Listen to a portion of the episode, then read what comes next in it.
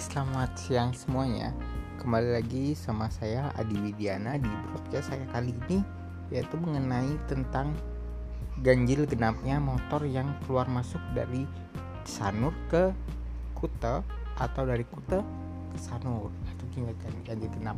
Menurut kalian apa sih yang dimanfaatkan yang diperoleh dari sistem yang diperlakukan seperti saat ini untuk mengurangi uh, apa namanya?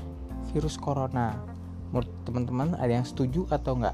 Dan apa alasannya jika teman-teman memilih uh, acara seperti ini sistem ganjil genap ini bisa dijalankan dengan baik? Oke buat teman-teman yang punya uh, solusi bagaimana caranya mencegah ini semua terjadi silakan. Buat start buat komen kalian atau buat cara-cara kalian biar tidak seperti itu oke? Okay? jadi buat teman-teman yang merasa ini tidak mesti terjadi apa sih yang harus kalian lakukan? Kalian setuju dengan diadakannya sepeda motor yang diganjil genapkan. Setuju nggak ya? Oke segitu dulu.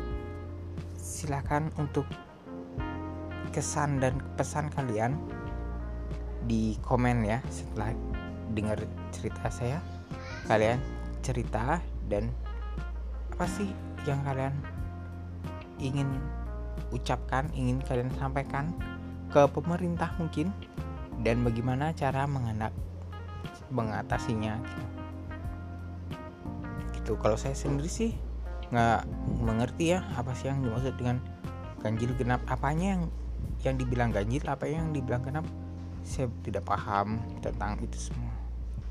Jadi ya buat kalian semua hmm, enjoy aja ya saat berkendara. Seperti itu